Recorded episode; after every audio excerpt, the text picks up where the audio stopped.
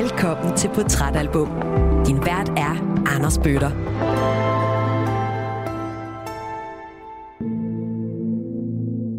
Bare det at sætte øh, første nummer på. For mig er det instant goosebumps. Alt strider på mig øh, på den gode måde, og det skal ikke misforstås. men, men det, men det, Det var dig, der tænkte Ja, sådan. Det er fordi, ja. vi er på Smukfest, så sker ja, sådan det er noget. det. Det er det. Øhm, det gør det hver gang, jeg trykker play på den plade. Den- er der hver gang, og det tror jeg, den vil være resten af mit liv. Det er et mesterværk, han har lavet her. Jeg kunne faktisk bedst lide at sidde på mit værelse med min båndoptager og nørde med musikken. For det var lidt ligesom om, at der skulle jeg ikke forholde mig til så meget omkring mig, andet end bare at være i musikken. Så det er jo klart, at musikken har jo for mig ligesom været min bedste ven hele mit liv.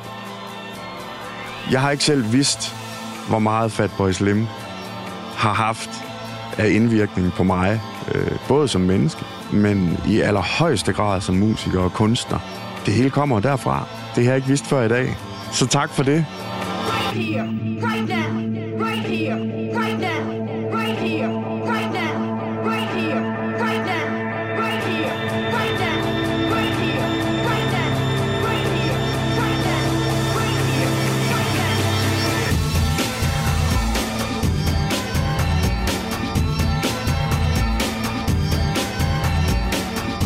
Hvis du har været ung i den sidste halvdel af 90'erne eller begyndelsen af 0'erne, så kan lyden af den her type elektroniske musik måske give dig minder om dengang genren Big Beat var her, der og alle vegne. Både til privatfester, på diskotekerne, klubberne, i reklamer og på biograflæret, hvor tidens store actionbrag, såsom The Matrix, Blade og Tomb Raider, alle havde soundtracks med elementer af elektronisk musik, der lød ny og spændende. Genren Big Beat brugte store, potente samplede beats og en masse samples fra vidt forskellige genrer, såsom rock, soul, surf, pop og film. Big Beat var en del af 90'ernes subkultur og trak ofte på elementer fra genrerne acid house og techno. Numrene havde ofte simple, samplede vokalhooks, der gjorde dem helt vildt catchy. Og netop på grund af vokalerne og en til tider ret konventionel vers-omkvædstruktur i sangene, så appellerede Big Beat ofte til et bredere publikum end bare den elektroniske musiks subkulturer. Musikken passede med andre ord perfekt til biografladets store actionfilm Muskler, men også til den lille indadvendte eftertænksomhed. Så selv en lille teenage rock-idiot som mig selv, ja, jeg kunne fra midten af 90'erne op til begyndelsen af 0'erne ikke ignorere fantastisk spændende nye elektroniske big beat navne, såsom Chemical Brothers, Propellerheads, Basement Jacks, The Prodigy, og når ja, så naturligvis også den kunstner, som ugens portrætalbumgæst Kato har valgt, Fatboy Slim. Og måske så var det heller ikke tilfældigt, at jeg faldt i den store Fatboy Slim og den store Big Beat gryde der i 90'erne. Jeg kom jo, ligesom Norman Cook, manden bag Fatboy Slim-projektet, fra rock- og punkmusikken. Så måske så var der bare noget uhyre appellerende for mig i Big Beats No Fucks Given. Spil noget simpelt og sjovt. 1, 2, 3. Musik.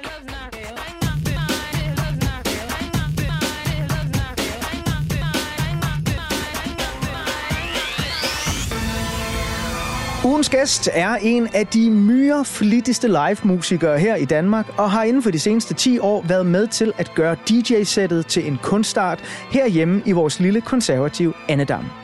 Eventyret begyndte allerede som 12-årig med mobildiskoteket Powerplayers, et væld af remixes for andre kunstnere siden 2005 og egne produktioner siden 2007.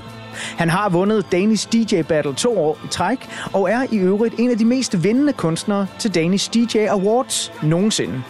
Debutalbummet Discolized udkom i 2010, og siden dengang der har Kato udgivet tre fuldlængde albums, en EP og lige omkring 30 singler. Og opsummeret, så lyder nogle af hans allerstørste bangers sådan her. Yeah, yeah. Pop, booty bitch, lad mig høre dig sige. Yeah, yeah. Cause I just wanna show you love, show you love. Sætter ild i floor som en pyroman. Få dig op og flyve. Det er en banger. Og når ja, så er han også, så vidt jeg ved, den eneste danske musiker, der har optaget en musikvideo på Storbæltsbroen, og har haft flere samarbejder med hiphop-legenden Snoop Dogg. Og nok så vigtigt, altså for mig i hvert fald, så har han også været radiovært på et hav af forskellige radiostationer. Så det er med en stolthedsstemme, at jeg kan byde velkommen til en art kollega. Thomas Kato Vitrup, hjertelig velkommen til Portrætalbum. Tak. wow. Fik jeg krasset lidt i overfladen? Øh, det, det er nu... Jeg er jo en øh, følsom gut. Ja. Det var rigtig, rigtig overvældende og flot skrevet. Og sagt det der. Jamen, tusind tak skal du have. Wow. Ja, men det er jo dig. Det er jo alt det, du har bedrevet, altså. Er det det? Jamen, det, det Jamen, er det. det øh, du får mig... Det, du, øh, ja, det, det lyder som om, at øh, det er sådan en rigtig artist. Men det er det sgu da også. Ja. Det er det sgu da også, altså. Prøv at høre, i øh, del 2 af udsendelsen, der glæder jeg mig meget til at høre lidt om, hvor du er i livet øh, lige nu, og måske sådan, hvor du er på vej hen. Men her i den første del, der skal vi lige om lidt bladre om på de første sider af portrætalbummet, hvor der er billeder af dig i 1998, Mm. som øh, er året, hvor du falder for Fatboy Slims andet fuldlængde album, You've Come a Long Way, Baby. Og nu fik jeg jo så tegnet i det her mini-portræt, sådan, også et lille portræt af mit eget musikforbrug i 90'erne. Øh, og genren, eller bølgen, om du vil, af Big Beat, havde jo sådan en forholdsvis kort storhedstid. Det var ligesom sådan en nytårsraket, der bare var den her der alle vejen. Ikke? Øh, men nogle af de grupper, jeg nævnte, de eksisterer jo stadigvæk i en eller anden form eller en anden.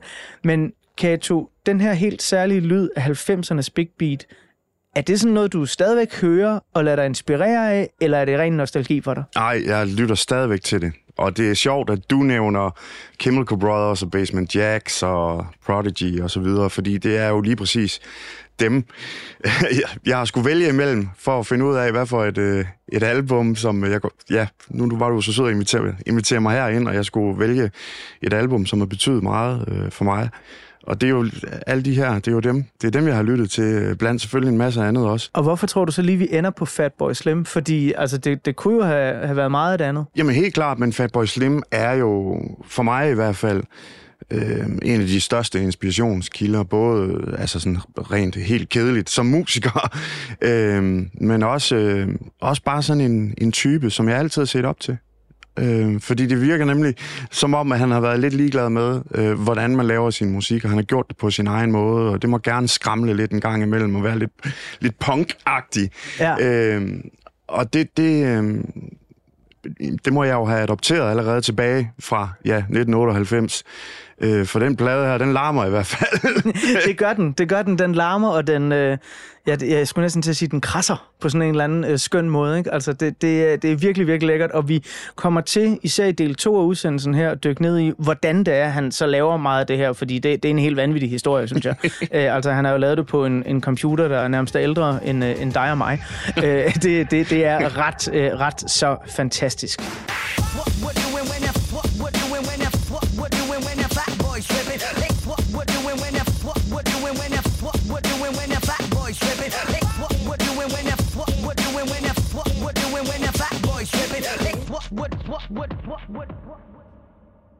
Lige for nu, Kato, der vil jeg gerne bladre op på den første side af portrætalbummet. Og øh, det her album, det udkommer jo i 1998, hvor du bliver ramt af det og bliver sådan småforelsket i det. Um, så på den her side af portrætalbummet, der er der et billede af dig, hvor du hører det her album for allerførste gang. Hvis vi lige træder to skridt tilbage og kigger på billedet af Thomas, ja, 1998. Starter med det helt simple udenpå. Hvordan ser Thomas ud i 1998? Han har hår på hovedet i hvert fald. Ja, Det er en ting. Øh, hvem har troet, jeg har haft det? Øh, men det er, jo en, øh, det er jo en ung dreng, som øh, på det tidspunkt havde snuset lidt til det her med at, at være DJ øh, og spille for nogle mennesker. Og også brugt utrolig lang tid på at sidde på sit værelse helt alene og optage øh, ja, sange på radioen af. Håbede på, at radioverden ikke sagde for meget ind over slutningen eller starten af nummeret, så jeg kunne få en god optagelse. Og så også sidde der og øve sig i at prøve at lege radiovært, og på den måde også ligesom virkelig allerede der nørdet musik. Da jeg så hørte øh, det her album for første gang, hvis man kigger ind på mig, så tror jeg, at det er en... Øh, sådan ser jeg det i hvert fald selv inde i mig selv. Det er en dreng, som, øh, hvor det hele bare springer lidt i luften. Fordi kan man det, må man godt det. må man godt sample og stjæle og nappe og øh, sætte det sammen, skilte af på, på den måde, som han gør det på. Det, der var meget, der skete inde i mit hoved, da jeg hørte den plade her første gang. Når man får sådan en eksplosion der i hovedet, så... Altså, jeg kan i hvert fald huske som teenager at høre musik. Nogle gange, så var eksplosionen sådan en, hvor du ved, nu giver alting mening for mig. Og andre gange, så var det sådan en, nu forstår jeg ingenting af hele verden overhovedet. Altså Fatboy Slims plade her, var, var det sådan en, en lysende vej for dig, sådan, "Da, det er det her, jeg, jeg skal lave? Eller var det mere sådan, what the fuck sker der? Altså, det var det sidste i, i øh, fem sekunder. Okay, What the fuck sker der? ja. Og så var det helt klart, okay, det er sådan her, jeg, jeg gerne vil lave min musik. Check, baby, check, baby, check, baby, check. Jeg har altid gerne vil lave musik, og jeg har altid øh, spillet på alle mulige instrumenter, men jeg fandt bare aldrig mit instrument. Så her kom, øh, man kan sige, den her blinkende stjerne, det her album her, øh, og Fatboy Slim, måden han gør det på, det var helt klart bare sådan, okay, nu, for- det, det er sådan her, jeg, det, det er det, jeg skal. Da du så bliver ramt af den her musik, og du allerede er en øh, dreng, der sådan har et håb om, jamen, jeg, jeg skal et eller andet med musikken, og jeg vil også sige, at begynde at DJ som, som 12-årig, det er jo også en rimelig øh, ung debut, ikke? Ja. Øhm, jeg kan mærke, at du allerede er musikinteresseret her, men hvem er du ellers i 1998? Hvis vi ser på det her billede, hvem er den der bitte knight? Hvad er han for en type? Jamen, han er, er i hvert fald en bitte knight fra Thy, som har nogle helt fantastiske, gode venner. Øh, det var også de drenge, som jeg lavede mobildiskotek med.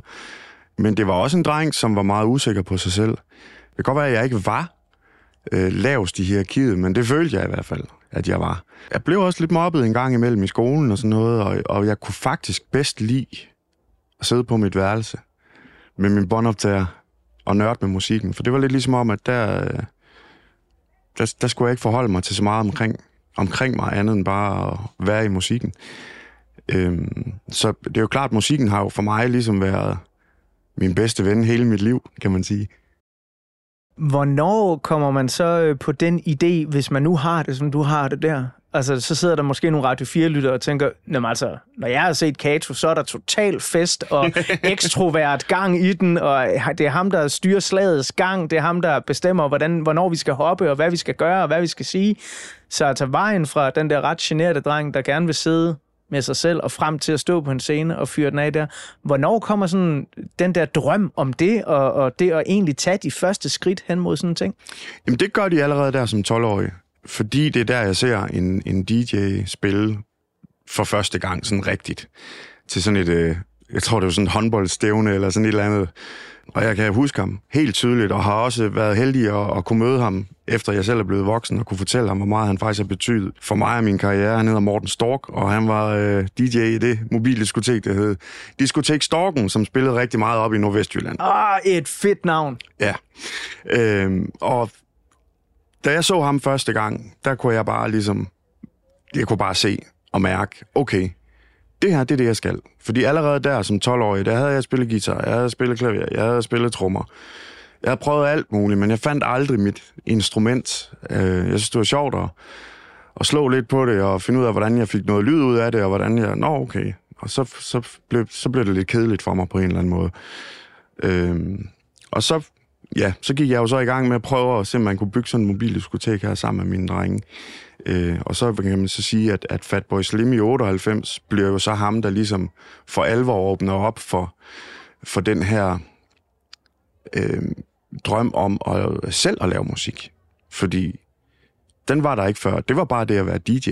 Jeg skulle være DJ, og det skulle være det, jeg skulle leve af, når jeg blev voksen og gammel nok til det. Og indtil da, jamen, så måtte jeg spille til 40 års fødselsdag og svendegilder øh, gilder, øh, sammen med min øh, mobildiskoteksdrenge, øh, indtil jeg blev gammel nok til at kunne blive rigtig, rigtig DJ.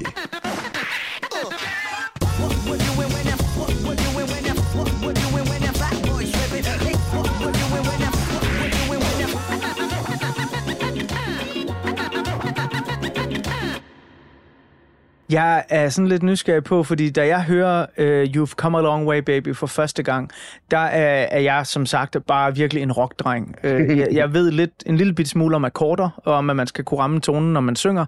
Jeg har stadigvæk den dag i dag, hvor jeg er 43, ikke lært nogen af delene, heldigvis, uh, fordi det betyder jo, at musik er, er sådan den sidste rest af sort magi i mit liv. Ikke? Men da jeg hører den her plade for første gang, så begriber jeg simpelthen ikke, hvordan det er lavet. Altså, jeg forstår det simpelthen ikke, hvad det er, der sker, det jeg hører på det. Har du allerede så tidligt som i 98 sådan en begyndende forståelse af, hvad det er, Fatboy Slim gør for at nå frem til de resultater, altså de sange, der er? Nej, faktisk ikke. Altså lige til at starte med, så aner jeg slet ingenting om, hvad det er. Jeg synes bare, det er mega fedt, fordi hvordan kan en mand lyde som øh, et, et, et, et jazzband, øh, et soulband, et, øh, altså fordi hele den plade er jo bare samples, der er klasket oven på hinanden på den her fuldstændig, øh, det må man ikke agtige måde. Øh, så det tog mig noget tid ligesom at sådan prøve at regne ud, men hvad, hvad, hvad er det her Fatboy Slim? Altså jeg kendte ikke noget til Fatboy Slim før, men på samme tid, der lavede jeg sådan lidt noget, noget hygge lokal radio op på den gode gamle Radio Ty i Tisted, hvor jeg kommer fra. Og specielt om aftenen, der, der kunne jeg, jeg var så heldig, at jeg fik en nøgle op til, så om aftenen, så kunne jeg køre yes. op og gå ind i studie 2, og så kunne jeg sidde der og høre musik sammen med et par af mine kammerater hele natten. Det gjorde vi faktisk næsten hver aften. Øhm, og så fik vi jo lige pludselig en computer, Jaha. Hvor der var et lille program på, hvor man kunne optage noget på og lægge noget oven på hinanden. Og det var lidt omkring samme tid her øh, i 98. Så jeg havde sådan prøvet lidt det her med at sidde og sample ting. Men jeg vidste bare ikke selv, at det var det, jeg gjorde. Nej. altså, jeg havde bare lyst til at lege med et eller andet, Ja, men ja, jeg vidste klart. ikke, hvad jeg havde gang i. Ja. Så det er jo klart, da Fatboy Slim øh, kommer med den plade her, hvor det... Øh, altså, det er jo derfor i flere niveauer øh, og dimensioner springer min hjerne fuldstændig i luften, fordi øh, det viser mig jo ubevidst på det tidspunkt, fordi jeg forstår det ikke, men det viser mig jo fuldstændig min vej øh, som musiker, sangskriver, artist og alt det, jeg er blevet den dag i dag.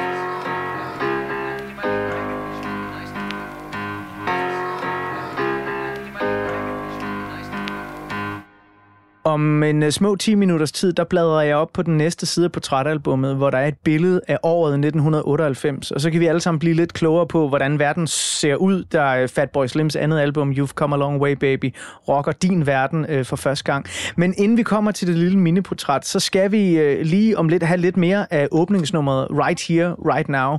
Uh, det er et nummer, som stadig har et stærkt liv den dag i dag. Hvordan, det vil jeg forklare lige om lidt. Men Kato, i min forberedelse til den her udsendelse, så fandt jeg sådan et charmerende fællestræk mellem øh, din musik og Fatboy Slims musik. Øh, I er begge to enormt dygtige til at lave mashups. Ja. Er du på den måde altså også inspireret direkte af Fatboy Slim, øh, når du laver nogle af dine mashups?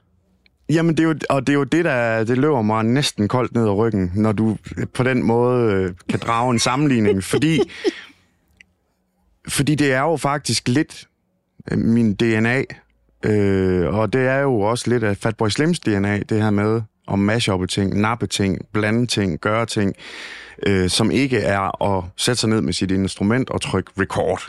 Det er jo en helt anden måde, øh, vi arbejder på, så jeg, jeg, Ja, jeg er faktisk lidt befippet lige nu, fordi øh, uden at jeg selv har været klar over det, så ja, jeg har jo været helt sindssygt inspireret af den mand her lige siden starten. Og prøv at høre, bare lige så lytterne, de er helt på med sådan, hvad jeg mener med et uh, mashup a la Kato. Uh, så vil jeg gerne spille et lille klip fra et uh, P3-program, som uh, jeg har fundet på YouTube. Uh, her der har du taget nogle sjove øjeblikke fra radioprogrammet Curlingklubben, og så har du sat dem ind i Lole Kellermans klassiske nummer Se Venedig at dø. Og det synes jeg simpelthen i al beskedenhed, det sådan er et meget klassisk og mega sjovt, finurligt, Kato-klog-agtig måde at lave et mashup på.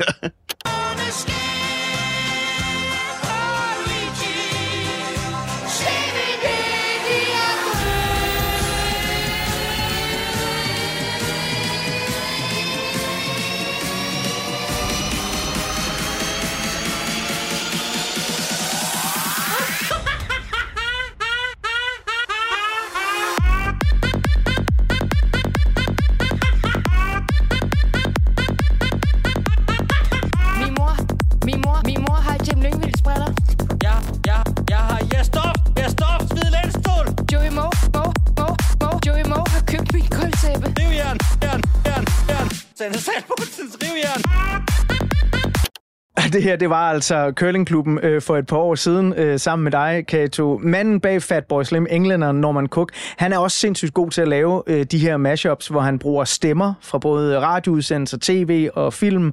Øh, og han gør det sådan lidt ligesom dig, ofte med nogle sådan ret ja, hvad skal jeg kalde det, uventede brudstykker og, og sådan samlede citater, ikke?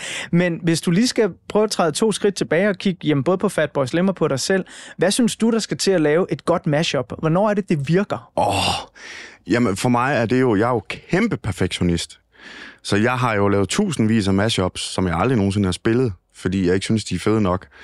Øhm, men altså basics for mig er, øh, hvis, hvis der er sang på, og det ikke er tale kun, eller rap, hvor der ikke er sådan rigtige toner i. Hvis der er sang på, så skal det, jeg blander det med, det skal ligesom harmonere og være inden for øh, enten samme toneart eller en parallel, parallel toneart, altså således, at det ikke er, lyder piv, pivfalsk, simpelthen. Øh, fordi der findes millioner og millioner og millioner mashups rundt omkring på nettet, hvor øh, man har sat øh, sangen fra en sang hen over instrumentalen fra den anden, og så kører de ikke i samme toneart, og så er det pivfalsk. Og det, det er for mig... Øh, altså, det er ligesom, hvis der er nogen, der øh, river neglene ned af en tavle. Altså, det, jeg, det, det kan jeg slet ikke. Øh, det, det, det, det er hele mit system. Øh, jeg vil bryde sammen, når jeg hører sådan noget. Så det, det, det, det, det skal kunne harmonere rent, øh, rent tonalt. Men for mig handler det også meget om det her med at prøve at sætte ting sammen, som øh, man ikke tror, altså som, som udgangspunkt ikke tror vil passe sammen. Ja, det er uventet. Det er uventet, og det her med, at det, øh, hvis du kan blande to genrer, som er meget langt fra hinanden, altså jo mere, jo længere væk det er fra hinanden, jo federe en, øh, en optur har jeg, når jeg, når jeg finder det øh, og laver det, fordi øh, ja, jeg ved ikke, hvad det er, men det er lidt, det er sådan, det er bare sådan en, og igen lyder jeg som om, jeg bare er sådan en dude, der sidder helt alene i mit studie, studie og har det fedt over mig selv, fordi det er slet ikke sådan, det er. Men, men jeg kan godt lide at være alene med mig selv og nørde med musikken. Så det bruger jeg rigtig meget tid på, stadigvæk den dag i dag. Og prøve at se, om jeg kan finde nogle ting musikalsk, genremæssigt, lægge sammen, som ikke burde give mening på papiret.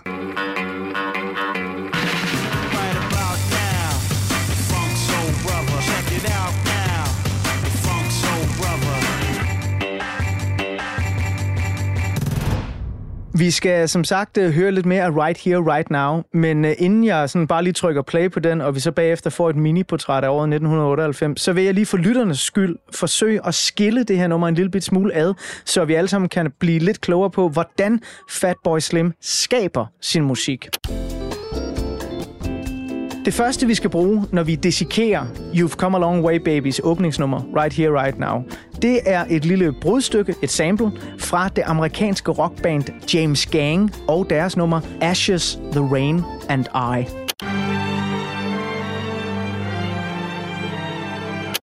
Det nummer tager Fatboy Slimser og pitcher op, klipper lidt i det og looper det, og så kommer det til at lyde sådan her.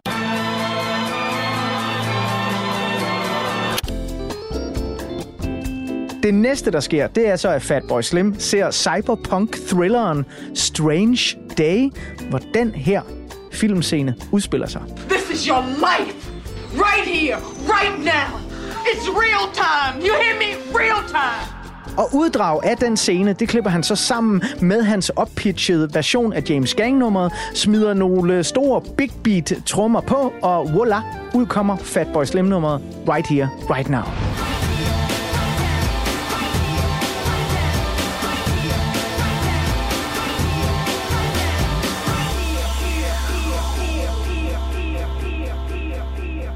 Så noget her, Kato, med at gå på strandhugst i en brugtpladebutik og finde et gammelt nummer af James Gang og se en film, der hedder Strange Days, øh, og så klippe det sammen, det er jo ekstremt nørdet. Altså ikke at forklare det, som jeg har gjort her, det går nok, men at Fatboy Slim, han finder de her ting, og så smider nogle store trommer på. Det er jo sådan et studie i hitte på, som hedder altså. Og der er sådan et eller andet med, man skal vel, når man laver det, I laver, godt kunne lide at sidde og ligesom jamen, fordybe sig i nogle ting i timevis. Ja, fordi at øh, jeg kunne forestille mig, øh, at øh, han har brugt hundredvis af timer, før han har fundet det helt rigtige. Altså de, de helt rigtige stumper og fået dem sat sammen, fordi det, det, det tager det mig. det tager så mange timer, men det er også det, der, det er også det, der tænder mig på en eller anden måde. Det er det her med, at, at det er en rejse hver gang. Selv bare et lille simpelt mashup øh, er en rejse. Øh, det er det også at skrive en sang øh, på helt traditionel vis.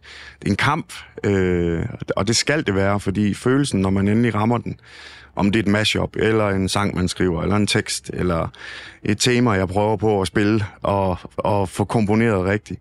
Men den følelse, når du rammer det, det er den bedste følelse i hele verden. Og det eneste, der kan sammenlignes med det for mig, det er enten at stå på, ja for eksempel bøgescenen øh, på Smukfest foran 35.000 mennesker, eller den dag, jeg fik min datter. Altså, det, det, det er der, vi er. Wow. Men sådan er det hver gang, det lykkes. Så det er jo klart, det bliver jo også lidt et drug. Ja, og så jagter man jo også den optur helt vildt. Det gør man jo, og, og, og, og, og, og det kan virkelig være, for at sige det på godt gammeldags jysk, det kan være rigtig træls Ja. i processen. Det er det faktisk 95 procent af tiden. Men, men, men det er fuldstændig ligegyldigt, fordi når du så rammer den, Ja. så føler du dig som den fedeste i hele verden. Og apropos bøgescenerne, så synes jeg, der er noget fantastisk smukt over, at vi sidder her og taler sammen på Smukfest 2023, og i baggrunden, der er der et ABBA Jam Band, der lige er gået i gang, ikke? Altså, det er, sådan, det er jo bare live musik, øh, ja, som, som ikke er samlet, men som er, er coveret og spillet. Nå, prøv at høre, jeg sagde jo tidligere, at Fatboy Slim har formået at holde Right Here, Right Now super relevant, selv her sådan 20 år efter, øh, at det blev udgivet for første gang. Og øh, det, jeg konkret tænker på her, det er, da Fatboy Slim spiller til Sydney Myers Music Ball i 2020, der ændrer han en lille smule på Right Here, Right Now. For inden hans optræden, der har han nok hørt en af verdens vigtigste klimaaktivister, Greta Thunberg, holde den her tale til verdens ledere. We will not let you get away with this. Right here, right now, is where we draw the line. The world is waking up. Og da han så optræder med Right Here, Right Now til Sydney Meyers Super Bowl, jamen der gør Fatboy Slim sin musik relevant igen. Så Right Here, Right Now forbliver ikke et statisk værk, der var et hit for over 20 år siden. Men det bliver igen sådan et stykke musik med stor samtidsrelevans, selv mange år efter det hittede for første gang. Så inden du lige får et portræt af året 1998, så nyd lige en lille smule af Fatboy Slims 2020-version af Right Here, Right Now, featuring Greta Thunberg. But the young people are starting to understand your betrayal. The eyes of all future generations are upon you. We will not let you get away with this. Right here, right now, is where we draw the line. The world is waking up. And change is coming, whether you like it or not. Right here, right now, right here, right now, right here, right now, right here, right now, right here, right now,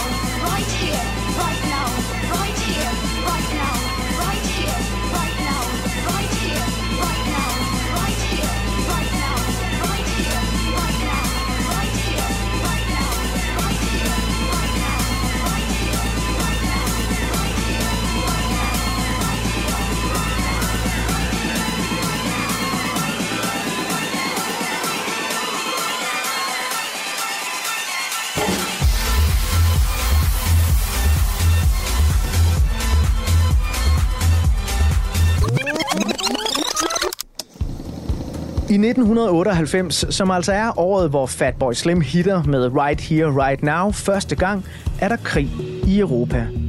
Siden Jugoslaviens sammenbrud et par år forinden, var der konstant ulmende konflikter imellem serbere, jugoslavere og albanere.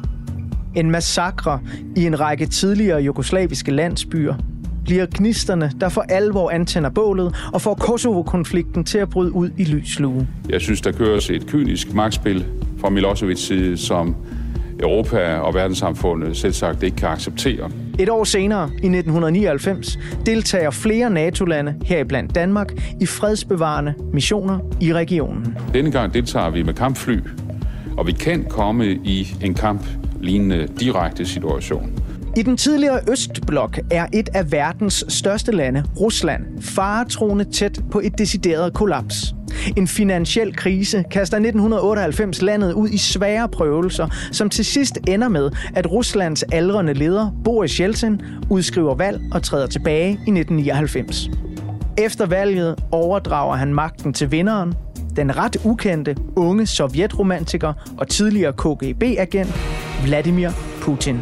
Pigerne finder ham ligefrem tiltrækkende, og de unge kan nemmere identificere sig med den sportstrænede og afslappede Putin, end med den svagelige Yeltsin. Den amerikanske præsident Bill Clinton, der ellers har haft et godt forhold til Boris Yeltsin, har i 1998 travlt med helt andre gøremål end magtskiftet i Rusland. Han bliver nemlig anklaget for at have haft et seksuelt forhold til en tidligere praktikant i det hvide hus, Monica Lewinsky. Noget, som Bill Clinton i begyndelsen pure nægter. I did not have sexual relations with that woman, Miss Lewinsky. 1998 er både året, hvor den første Harry Potter-bog udkommer på dansk, og året, hvor et fællesskab af dogmebrødre bliver verdenskendte på deres nyopfundne filmmanifest. Et manifest, som tilstræber en mere ærlig og hudløs måde at lave film på. De to første dogmefilm, Lars von Triers Idioterne og især Thomas Winterbergs Festen, går sin sejrsgang i både Europa og USA. Øh, Jeg har skrevet to taler. Bare. En er grøn, og en er gul, og du kan selv vælge, hvad for en det skal være. Og i 1998 virker dogmefilmene som et kærkomment alternativ til Hollywoods kæmpe produktioner. Inspireret af Titanic, som vinder 11 Oscars det år, så kan amerikanerne bare ikke få nok af storfilmen. På verdensplan er de mest sete film i 98 monsterfilmen Godzilla, Steven Spielbergs krigsfilm Saving Private Ryan og helt i top Bruce Willis-filmen Armageddon, som også indeholder et af de allerstørste hits fra Aerosmith. Every moment spent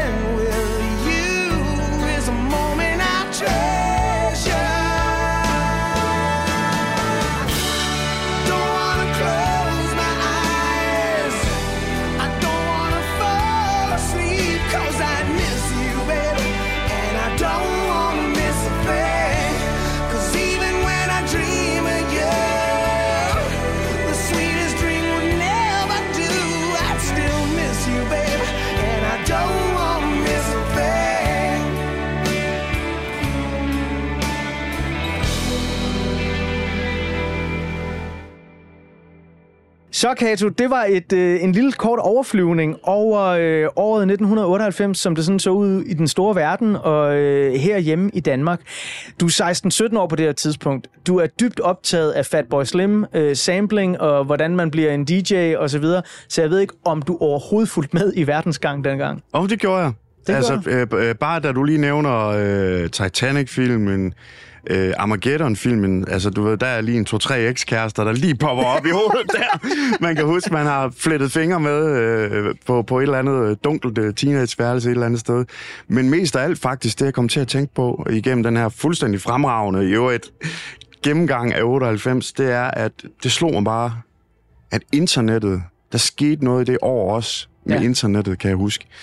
Øhm, nu kan jeg ikke huske, hvornår det startede og alt sådan noget. Det må du virkelig ikke hænge mig op på. Men jeg kan bare huske, at det var i den periode i hvert fald, hvor vi sniger os ind øh, op på chefens kontor på den lokale radio. Øh, for at vi kunne gå på, øh, ofi- øh, hvad hedder det, sådan noget chat og Ja, sådan noget. ja, ja. Hvad hed det? U4? Eller U4 og sådan noget. Der ja, var noget, ja. Præcis. Og det, det, det gjorde vi rigtig meget. Det var rigtig sjovt og spændende, fordi altså, alt var jo... Det, der var internettet jo helt nyt. Når øh, den her 16-17-årige øh, lille Kato så sidder der og øh, nørder med sin egen ting, hvis vi lige kigger et skridt ud over musikken, hvilke andre interesser havde du? Altså havde du andet i livet, hvor du sådan tænkte, var der en lokal håndboldklub, øh, eller ja, selvfølgelig var der hende der den søde pige fra parallelklassen, eller den søde dreng, eller hvad det nu var. Men sådan, hvad var dine interesser ud over musikken? Jamen altså, øh, alle mine teenageår har jeg jo spillet både håndbold og fodbold. Øh, men jeg var, altså, jeg var sgu ikke så god. Det var, det var jeg sgu ikke. Øh, og det var i hvert fald ikke der, jeg ligesom tankede, øh, tankede øh, selvtilliden. Altså, det, det var sgu... Øh, det var, når jeg var ude at spille med drengene til et eller andet svendegilde i Brundt forsamlingshus. Øh, og, og, og ligesom lærte at mærke, hvornår man skulle spille Dodo and the Dodo, så hvornår man skulle spille Brian Adams. Eller Status Quo. Når det skulle gå helt meget, meget ned, vigtigt. ikke? Men det, er jo også, altså, det kan jo også være en kæmpe optur for folk til at danse. Altså, det ved jeg selv nu. Altså, jeg, jeg, har, jeg kalder ikke mig selv for DJ, hvis jeg er ude og spille noget musik. Jeg kalder mig selv pladevenner. Øh, for det er noget meget andet, det jeg laver, end at være DJ. Det er vidderligt at trykke play på en ting. Ikke? Men selv jeg kan jo nærmest få gåsehud af, når jeg sætter det rigtige nummer på, Ja. og jeg ser til et eller andet bryllup, jeg er hyret til, at alle stolene bare bliver trukket ud, og alle de fiser op på dansegulvet, så tænker jeg sådan, I did that. Det var mig, der gjorde det. Fuldstændig. Og faktisk, så er det øh, lige på sømmet, du rammer, fordi for mig er en god DJ, det er ikke at være vild til at scratche, eller stå og lave alle mulige sindssyge tekniske ting. Jo bevares, det har jeg også brugt hele mit liv på at blive bedre til, og det kan jeg også godt lide at nørde i. Men for mig er en dygtig DJ, det er ham, der kan, sætte, der kan spille den rigtige sang på det rigtige tidspunkt.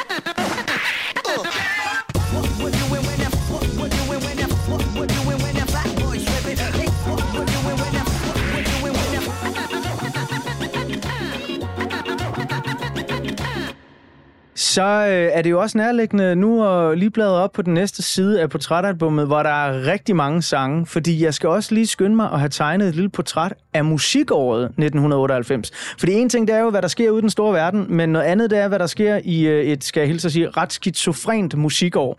øh, og jeg er jo sådan lidt spændt på at høre, om der er andre ting, der udkommer, eller hitter i øh, det år, som du måske stadig har et forhold til øh, her i dag. Men inden det lille portræt, så skal vi lige have en lille smule af det super festlige nummer Gangster Tripping, hvor øh, lyden af både start 80'erne og 90'erne driver tykt ned ad væggene, og jeg kan sige til folk, der lytter med her på Radio 4, at Kato han sidder lige nu med armen over hovedet, så jeg går ud fra, at Gangster Tripping, det er en af favoritterne også.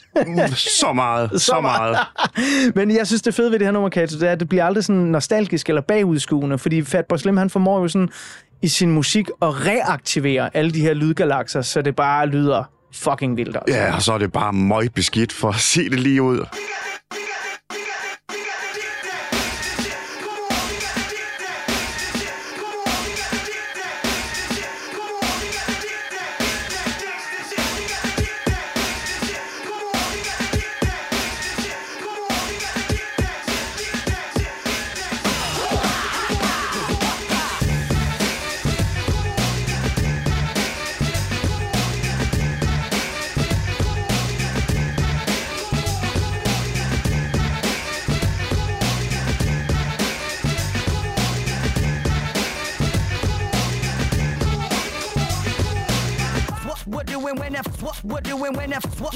when a fat boy slip it.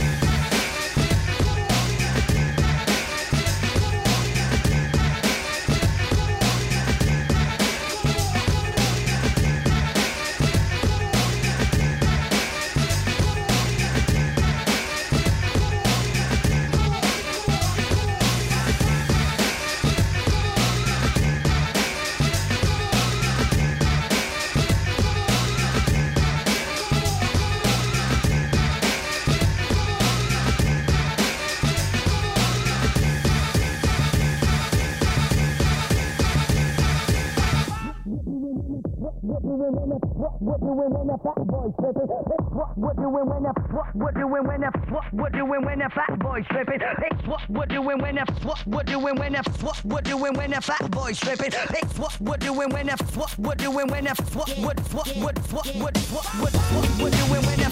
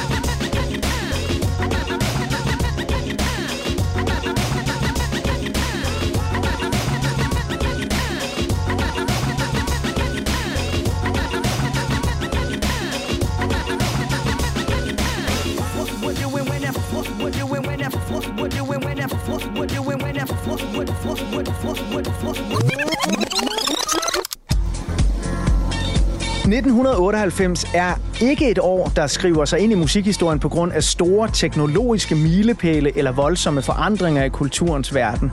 Nej, 1998 er sådan et år, hvor det virker som om, at både europæere og amerikanere går og leder efter den næste store ting.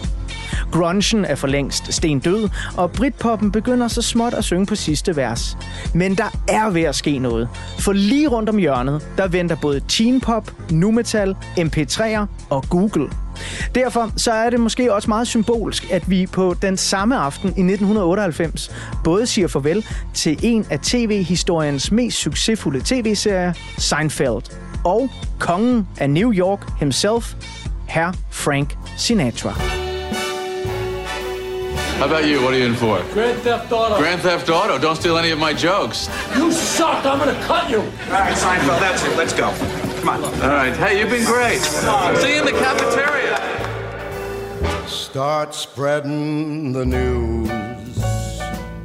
I'm leaving today. I want to be a part of it. New York, New York. Her hjemme i Danmark, der står vi også ved et interessant vadested i populærmusikkens verden.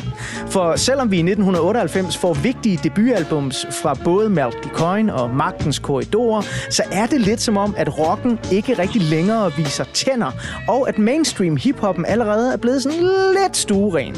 Det ses meget tydeligt til de danske Grammy-uddelinger i 1999. Her der mener man åbenbart, at rocken har været så lidt larmende i 98, at man giver årets danske rockudgivelse til DAD's rimelig ubemærkelsesværdige livealbum Psychopathico. Og at hiphoppen nu er blevet så her fra Danmark ren, at Den Gale Pose næsten rydder bordet med deres andet album, Sådan er reglerne, som blandt andet indeholder kæmpehittet Spændt op til lir. Yeah, yeah. Du spændt op til lir. Yo, host, syng det. Spændt op til lige. Posen af i huset, så der ved, det ender galt. I USA, der skræmmes forældre af Marilyn Manson-albummet Mechanical Animals og det mesterlige nummer I Don't Like the Drugs, But the Drugs Like Me. The drugs, but the drugs like me. The drugs, the drugs. Det sker alt imens super seje solokvinder dominerer hitlisterne. Celine Dion storhitter med hendes Titanic-basker, Shania Twain sejrer stort i både USA og resten af verden med You're Still the One I Want, og Madonna genopfinder sig selv med det lidt mørkere album Ray of Light.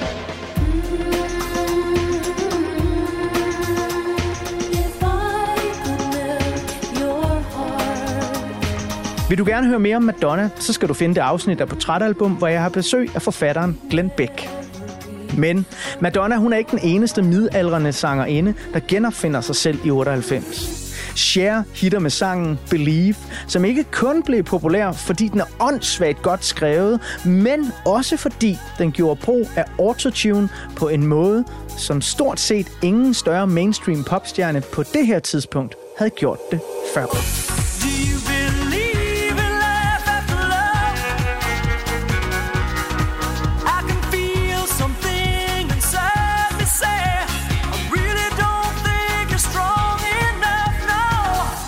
Her i Europa, der var Radiohead med til at slå Britpoppen ihjel og vise en ny vej med deres OK Computer-album allerede i 1997. Men i 1998, der har den døende Britpop-bølge alligevel et par jokere i ærmet. Oasis storsælger med deres tredje album Be Here Now, og The Verve leverer måske Britpoppens egentlige svanesang med albummet Urban Hymns, der indeholder sjælere så som Bittersweet Symphony og The Drugs Don't Work. All this talk of getting old, it's getting me down, my love. Og med Spice Girls som inspirerende spydspids, så kaster britterne også deres kærlighed på nyere girlbands, såsom Bewitched og All Saints. Never,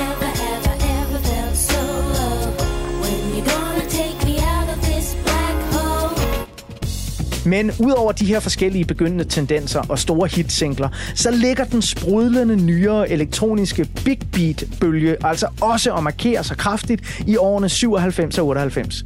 Der udkommer blandt andet kæmpe albums fra Chemical Brothers, der brillerer med Dig Your Own Hole,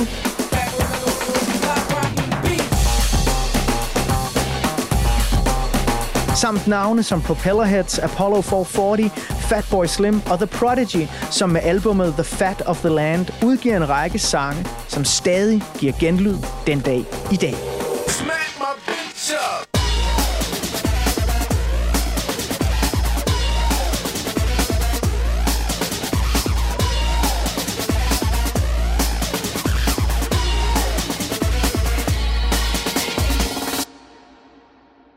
Wow, mand! Der var meget musik, Kato.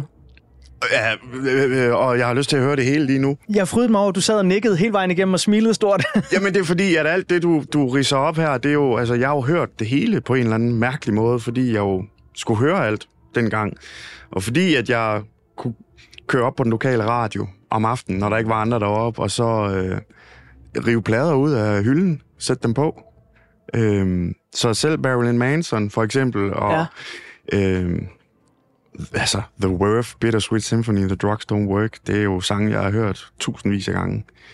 Og nu irriterer det mig, altså, du, du riber også op i nogle andre ting, fordi Ja. nu har jeg jo valgt Fatboy Slim, men du ved, hver gang du kommer med noget af det her, så tænker jeg, åh, det er også en sindssygt fed plade. Ja, ja. Men altså, det skal jo også siges øh, øh, til, jeg ved, jeg skulle lige til at sige til dit forsvar, det behøver ikke være et for- forsvar, men lytterne bør jo vide, at jeg bad dig om at komme med et par albumtitler, så vi ligesom kunne øh, sådan zoome os ind på, hvad det skulle være, ikke? Ja. Og det var også vidt forskellig musik. Ja. Du sagde, jamen, vi kunne tage et, nummer, et album af Jamiroquai, mm. vi kunne tage Metallicas Black Album, øh, eller vi kunne tage Fatboy Slim. Ja. Og jeg kan jo så afsløre behind the scenes på portrætalbum, at grunden til, at jeg ligesom sagde, jamen det her det skal være noget Fatboy Slim, er fordi, at det er nok det album, som jeg synes minder mest om dig som gæst i, i programmet her. Og så også fordi jeg er sådan, jamen du er den person, der kan folde det her album ud for os på en eller anden måde. Ikke? Og sådan netop ligesom øh, forklare, hvad det er, at Fatboy Slim, øh, eller Norman Cook, som manden bag hedder, han egentlig kan. Og det skal vi snakke meget mere om øh, i den anden del øh, af ugens portrætalbum, som øh, vi skal i gang med øh, lige om lidt. Fordi det er jo sådan, når man er i godt selskab, Smukfest 2023, der spiller et ABBA Jam Band Jeg i baggrunden. sige det. ABBA Jam. Ja, så, så flyver tiden altså bare, og det skal, jo- det skal også siges, Kato, jeg ved ikke, hvor meget af lytterne kan høre, hvad der foregår i baggrunden øh, her, fordi jeg har jo en, en gudsbenået øh, dej- dejlig øh, klipper, der sidder og gør noget ved lyden her. Men det er altså sådan, hvis man synes, det, det larmer lidt i baggrunden, så er det bare et ABBA øh, Jam Band. Jeg er lidt øh, sådan nysgerrig på, når vi nu øh, sådan kommer ned i øh, 1998, og lyden af alt det her fra Marilyn Manson til girlgrupper fra Storbritannien øh, og noget rock, der ikke lige ved, hvilket ben det skal stå på. De her ting fra 98, er det stadigvæk noget, du hører den dag i dag, eller er du ligesom rykket videre fra 16-17 år i Kato? Nej, for det er sjovt. Altså, jeg, jeg, kan- jeg øh, er virkelig sådan en nostalgisk type. Øh, igen fordi, at øh, jeg, musikken for mig, øh, det har jo været min bedste ven, som jeg også sagde lidt tidligere, øh, hele mit liv. Så den, øh, jeg elsker at gå tilbage. Altså, det bedste i hele verden, det er det der med, at man snubler over et nummer, eller et band, eller et one-hit wonder, eller et eller andet, som man bare har glemt og ikke har hørt de sidste 20 år. Øh, og så kan jeg jo slet ikke vente med at komme ud i bilen øh, og, og høre det, altså, øh, og dyrke det. Øh, også ting, faktisk også lidt ud over grænsen, hvor nogle gange så er der nogle af mine venner, eller dem jeg arbejder sammen med, som tænker, hvad skete der lige i dit hoved lige nu, fordi du er her ikke, og du skal åbenbart øh, videre nu. Ja, okay. Øh, fordi det kribler i fingrene på mig. Jeg skal bare, ah, sindssygt, ikke? Men- Men... corner shop eller et eller andet, du ved. Der, bands eller numre eller et eller andet, der, der popper op, ikke?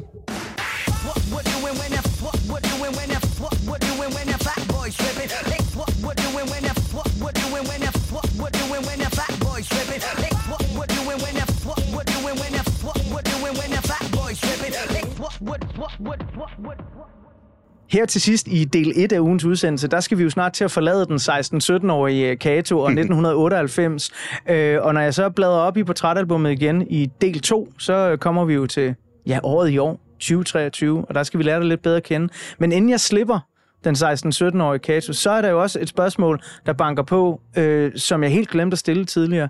Det her med alt det her mishmash af mange forskellige musikgenre og lyde og så videre, som du bliver så fascineret af, at du allerede som 12-årig tænker, jeg vil gerne DJ.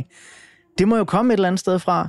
Er du bare blevet stopfodret med musik i dit barndomshjem, eller har du haft en onkel, der ejede en pladebutik, eller hvor kommer det fra? Jamen, øh, øh, det er sjovt, fordi jeg har aldrig rigtig tænkt over, at, øh, at jeg er vokset op øh, i et hjem med sådan, altså, hvor familien var super musikalske. Men så alligevel faktisk, fordi min far var trommeslager, da han var ung, men, men, men øh, stoppede sin karriere som øh, musiker for at kunne forsørge familien. Oh. Øhm, så det er jo klart, det har jo også påvirket mig, fordi jeg ubevidst godt har kunne mærke, at han har haft en, en helt sindssyg længsel øh, til musikken.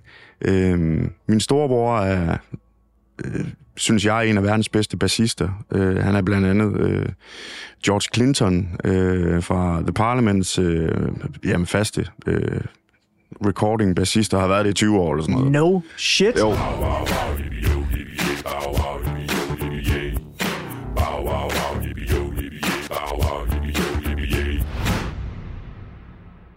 Så han er rigtig dygtig.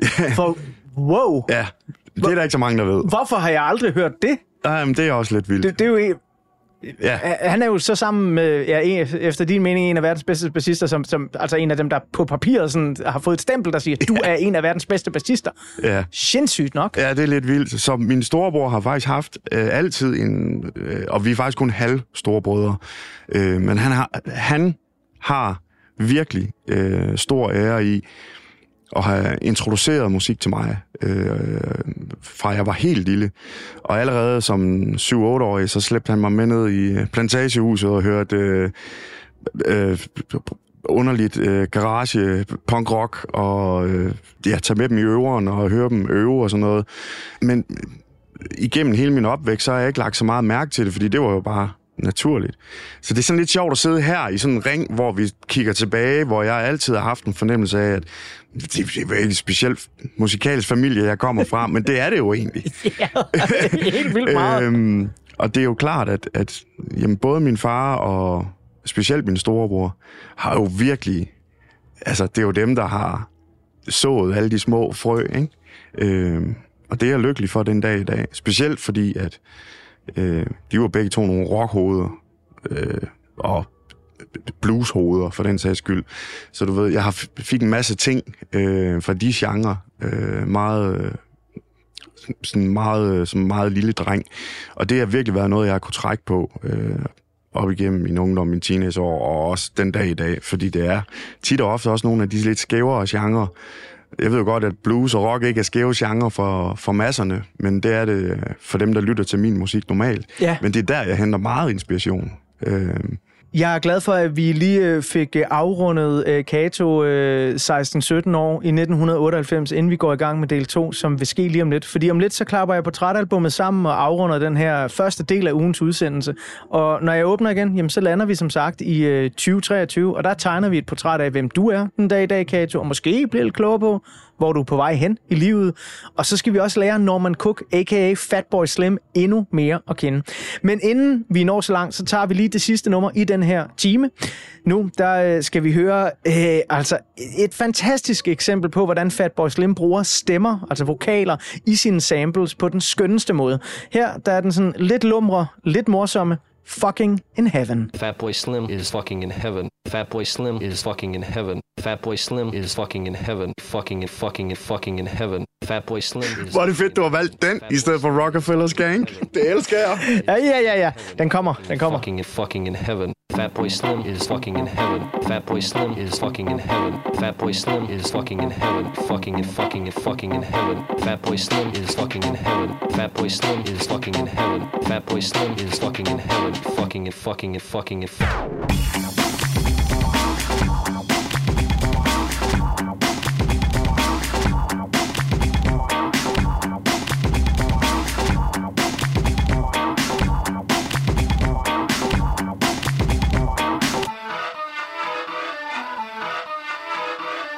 Fatboy Slim is fucking in heaven. Fatboy Slim is fucking in heaven. Fatboy Slim is fucking in heaven. Fucking and fucking and fucking in heaven. Fatboy Slim is fucking in heaven. Fatboy Slim is fucking in heaven. Fatboy Slim is fucking in heaven. Fucking and fucking and fucking in heaven. Fatboy Slim is fucking in heaven. Slim is fucking in heaven. Fat Boy Slim is fucking in heaven. Fucking and fucking and fucking in heaven. Fat Boy Slim is fucking in heaven. Fat Boy Slim is fucking in heaven. Fat Boy Slim is fucking in heaven.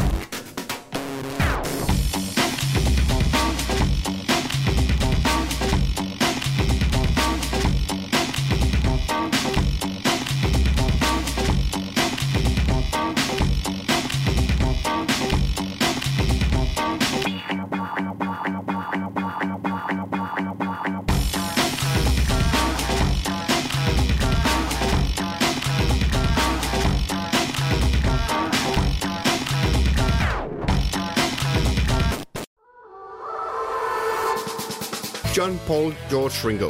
Det er nærmest et børnerim. I årvis har man diskuteret, hvem der egentlig var den femte Beatle. Jeg synes ikke, det er helt forkert at sige, at The Beatles er en af de 20. århundredes største myter. Over sommeren sætter Beatles-nørderne Christoffer Lind og Niels Jakob Myge jagten ind på at finde den, som har gjort sig fortjent til titlen. Nu skal vi have det etableret en gang for alle. Hvem var den femte Beatle? Fra store personligheder til anonyme vandbærere, dramatiske livshistorier og tragiske skæbner. Og selvfølgelig med massevis af god musik. Lyt til jagten på den femte Beatle i Radio 4's app eller der, hvor du lytter til podcast.